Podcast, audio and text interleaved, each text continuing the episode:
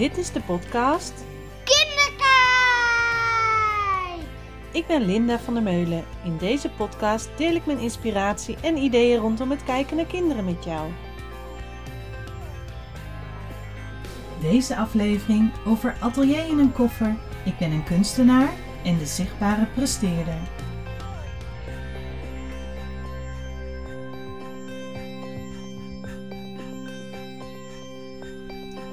Wat ontzettend leuk dat je weer de moeite neemt om mijn podcast te luisteren. Ik hoop vooral vandaag dat je weer heel veel inspiratie opdoet. Want ik ga in deze aflevering een ontzettend gave cursus delen die ik gevolgd heb. Of onderdelen uit die cursus. Dus ik heb heel veel zin om deze aflevering op te nemen. Want die cursus heb ik afgelopen weekend gevolgd. En het is nu vrijdag. Alleen uh, hadden we de hele week mensen in huis die uh, ons nieuwe kozijnen gingen installeren. Dus de hele week kon ik eigenlijk niet opnemen, omdat het steeds lawaai was en ik niet uh, nou ja, een podcast wil opnemen terwijl het heel veel lawaai op de achtergrond is. Dus vandaag eindelijk de tijd en heel veel zin om dit te gaan opnemen. Want de cursus die ik gevolgd heb was Atelier in een koffer. En normaal is dat een cursus waarbij je op locatie in Amsterdam bij hun komt en uh, heel actief aan de slag gaat. Maar nu door alle maatregelen was dat niet haalbaar. Maar wat ze wel gedaan hebben, is dat ik van tevoren een heel pakket toegestuurd kreeg vol materialen en spullen om mee aan de slag te gaan. En dat we eigenlijk samen uh, heel actief aan de slag waren tijdens die workshop. En dat vond ik echt zo gaaf. De manier hoe ze dit hadden vormgegeven. Dat we online, maar toch eigenlijk voelde het alsof we wel met elkaar bezig waren. Ze deden ook uh, breakout rooms, dat je wel naast elkaar zat te werken. En uh, in kleine groepjes. Nou, ondertussen even kon overleggen. hey, hoe, hoe pak jij dit aan? Hoe doe jij dit? En ik heb tijdens die cursus heel veel mooie inzichten gegeven die aansluiten bij wat ik in andere afleveringen al verteld heb. Uh, inzichten over het begeleiden van kinderen. En daarmee hoop ik jou in deze aflevering weer te inspireren. Het ging er vooral de eerste dag over dat kinderen de hele dag door bezig zijn met sporen maken. En misschien herken je dat wel als je dit zo hoort, dat je uh, dus om je heen gaat kijken, gaat denken. Nou, ik zit hier uh, op onze zolderkamer. Nou, daar zie ik een en al sporen. Ik zie nog sporen van de cursus afgelopen week. Ik heb nog niet heel veel tijd gehad om het allemaal uh, op te bergen. En eigenlijk vind ik dat ook wel mooi, want nu kan ik eigenlijk ook verder in die processen. En als ik achter me kijk, zie ik Isa haar uh, knutseltafel, haar creatieve werkplek, waar ze ook sporen mag achterlaten. En daar liggen dus ook verschillende sporen. Ik kijk eens even om me heen. Er liggen nog sporen van een herfstwerkstuk bijvoorbeeld, met allemaal satéprikkers die ze nog volop aan, nog steeds, het is nu lente, het is nu april nu ik deze aflevering opneem. En nog steeds is ze die aan het onderzoeken. Er ligt een spoor van een typemachine waar ze mee bezig is geweest. Er liggen een aantal kartonnen dozen, uh, prikpennen, uh, allerlei dingen, processen die nog niet af zijn en ook sporen die ze gemaakt heeft um, met materialen, met lijm, met verf, met uh, even kijken, zand, met klei. Dus allerlei materialen, dus eigenlijk sporen die ze heeft vastgelegd. En als je kijkt naar sporen maken, dan maken kinderen sporen om de wereld en zichzelf beter te begrijpen. Dus ze laten een spoor achter om eigenlijk te onderzoeken wat er gebeurt. Het gaat dan ook niet over creativiteit of over kunst maken, maar meer over sporen maken, sporen achterlaten, je eigen spoor volgen en van het ene spoor komt het andere spoor tijdens de cursus ging ook echt actief bezig met sporen maken met allerlei materialen. Met lijm, met um, dat we zelf brooddeeg gingen maken. We hebben sporen gemaakt met potloden, met verf, uh, met zand, met kosteloos materiaal, uh, naald en draad, afdrukken maken. Dus heel veel soorten sporen die je kan maken en ook die je met kinderen kan doen. En het gaat dus niet om het maken, maar het gaat meer om het proces van waar ben je mee bezig, hoe voelt het. En um, het ervaren van het materiaal, het uh, iets kunnen creëren met, met het materiaal. Wat gebeurt er als je het laat drogen? Hoe ziet het er dan uit? Verandert er dan ook iets?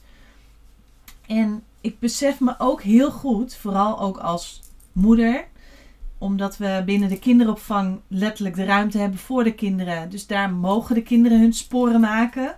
En daar mogen ze het ook laten liggen om later weer verder te kunnen.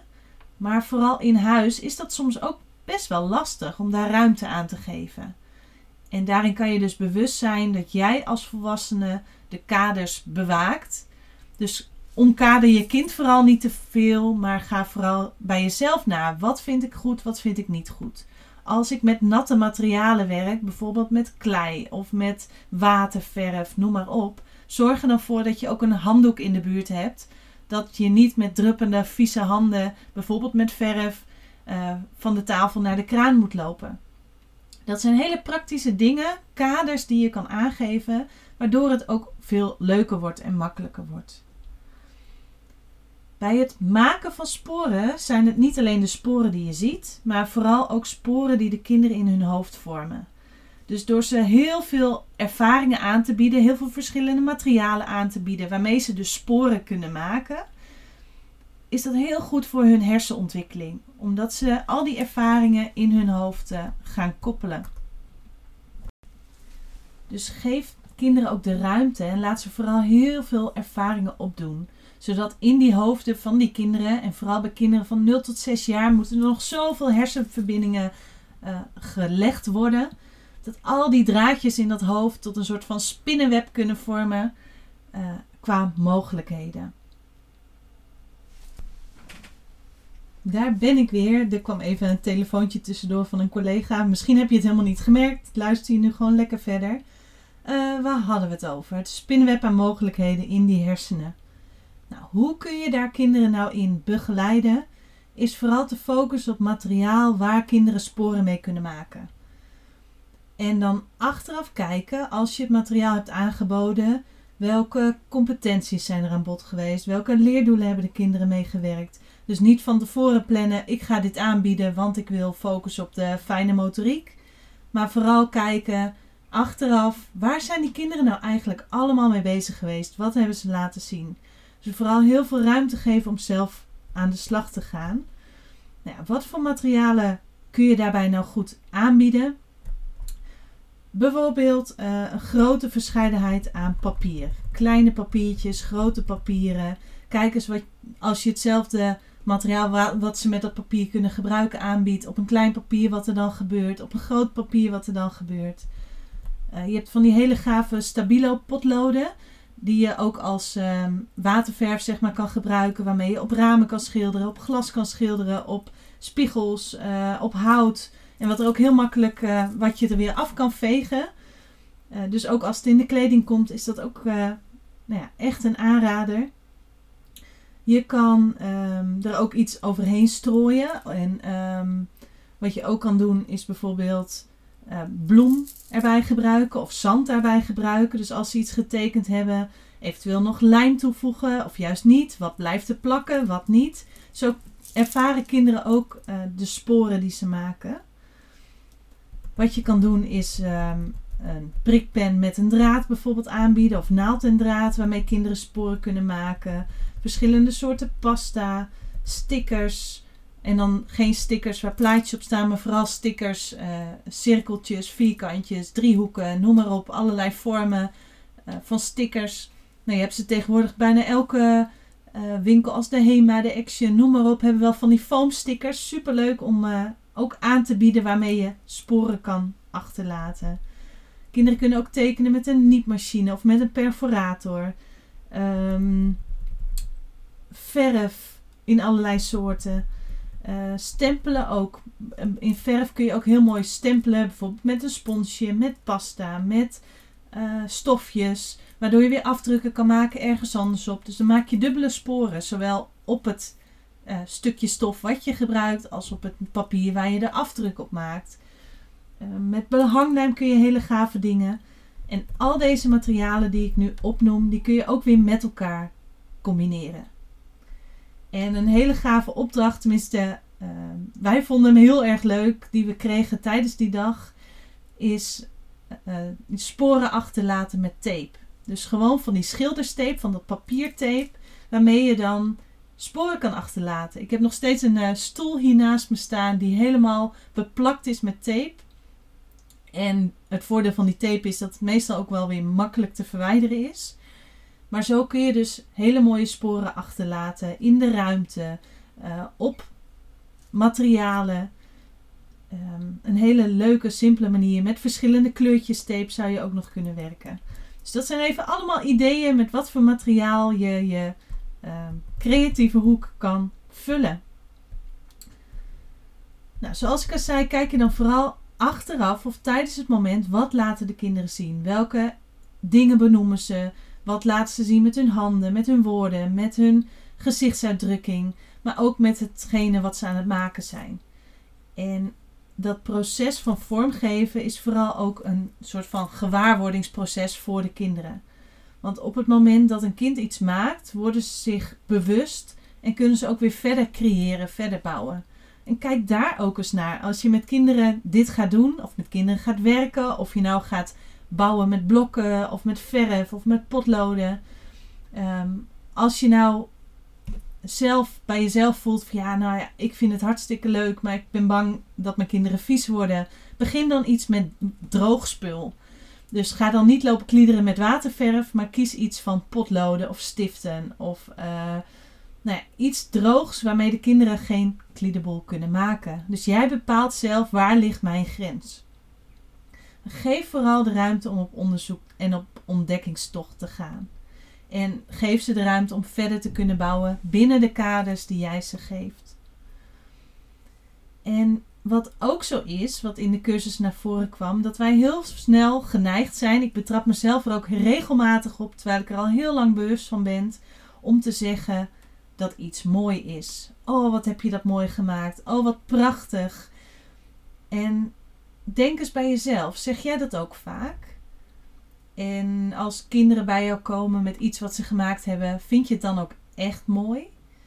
En is alles wat kinderen maken mooi? Of vragen kinderen ook aan jou of jij iets mooi vindt? Het is in ieder geval heel goed je hier bewust van te zijn. En vooral je bewust te zijn dat als jij zegt dat iets mooi of prachtig of geweldig is, dan gaat het over het beoordelen van het product. En daarmee doe je eigenlijk tekort aan het hele proces wat er geweest is. En dat proces verstoor je eigenlijk door te zeggen wat mooi.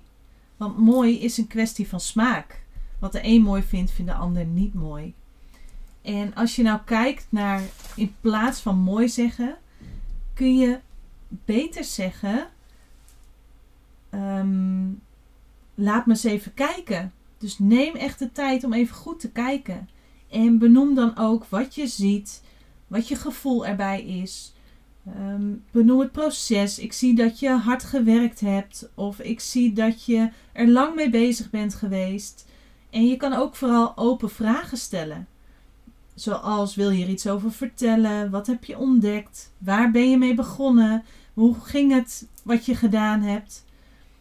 En een hartstikke handig trucje wat ik tijdens de training geleerd heb is in plaats van oh wat mooi, want ik betrap mezelf zoals ik al zei regelmatig op dat je dan zegt oh ik zie dus dat je dat jezelf aanleert in plaats van als eerste reactie, want dat is bij mij meestal dat ik al, terwijl ik het helemaal niet wil zeggen, als eerste reactie zeg: Oh mooi, laat me het zien.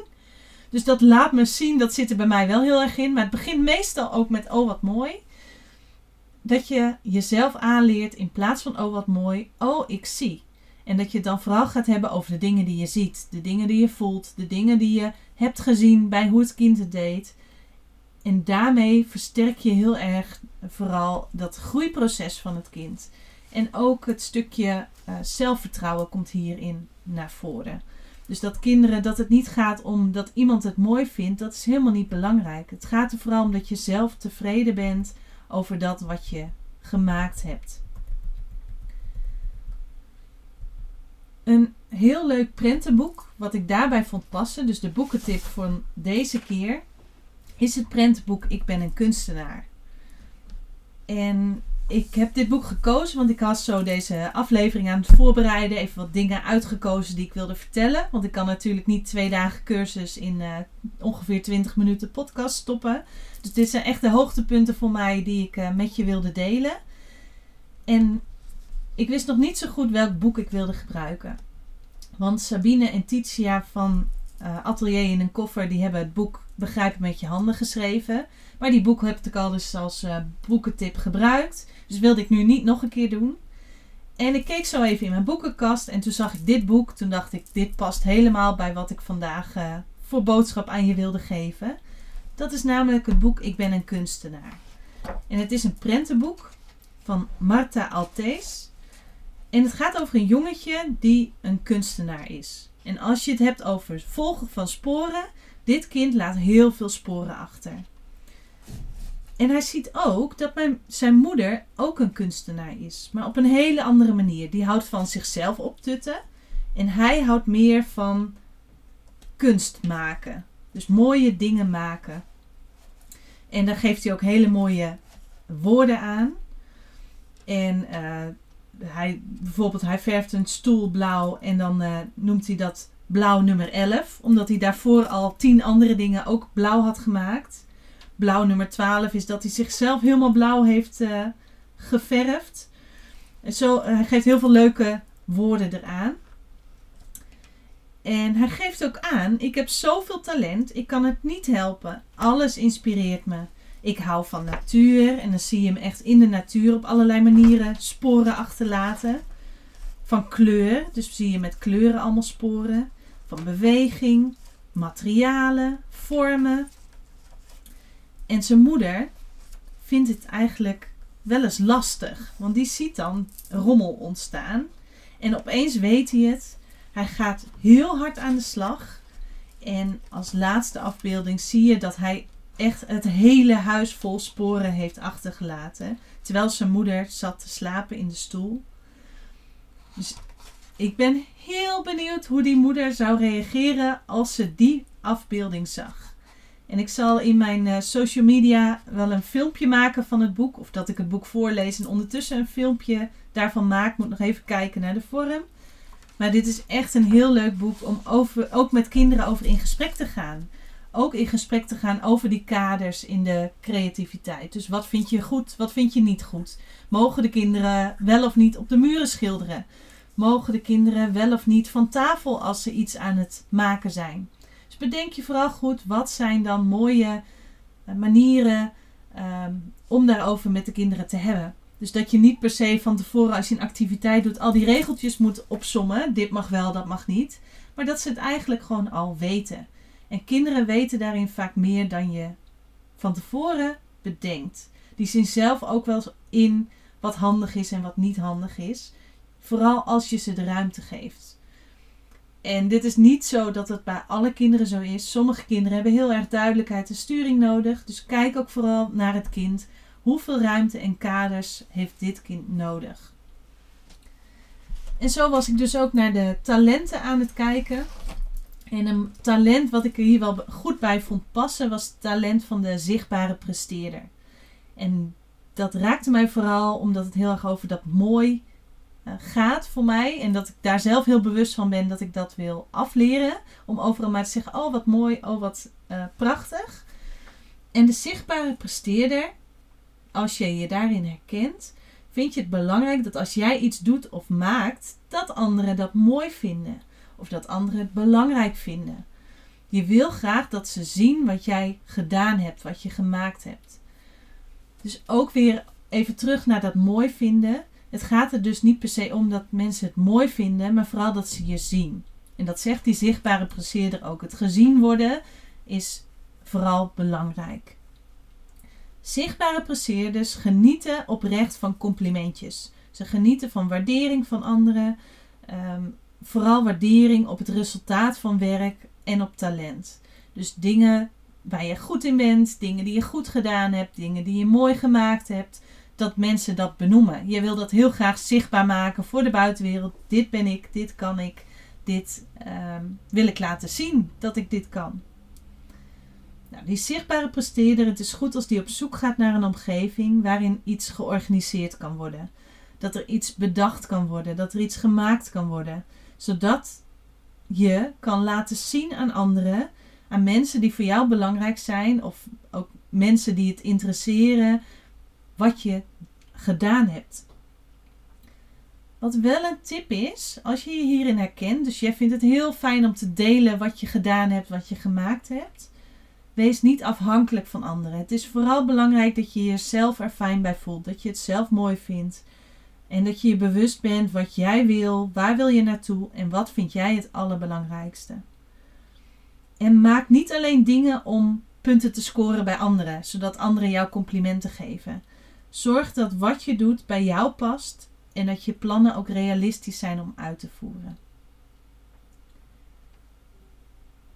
Misschien herken je hierin, misschien herken je er hierin en kost het je verschrikkelijk veel energie en frustratie omdat het allemaal perfect moet. Bedenk je dan goed, is het echt een talent? Is het iets waar ik energie van krijg, waardoor ik oplaad, waardoor ik me fijn voel? Dan is het een talent. En anders is het iets waar je aan mag werken, of een competentie, of een bepaald gedrag.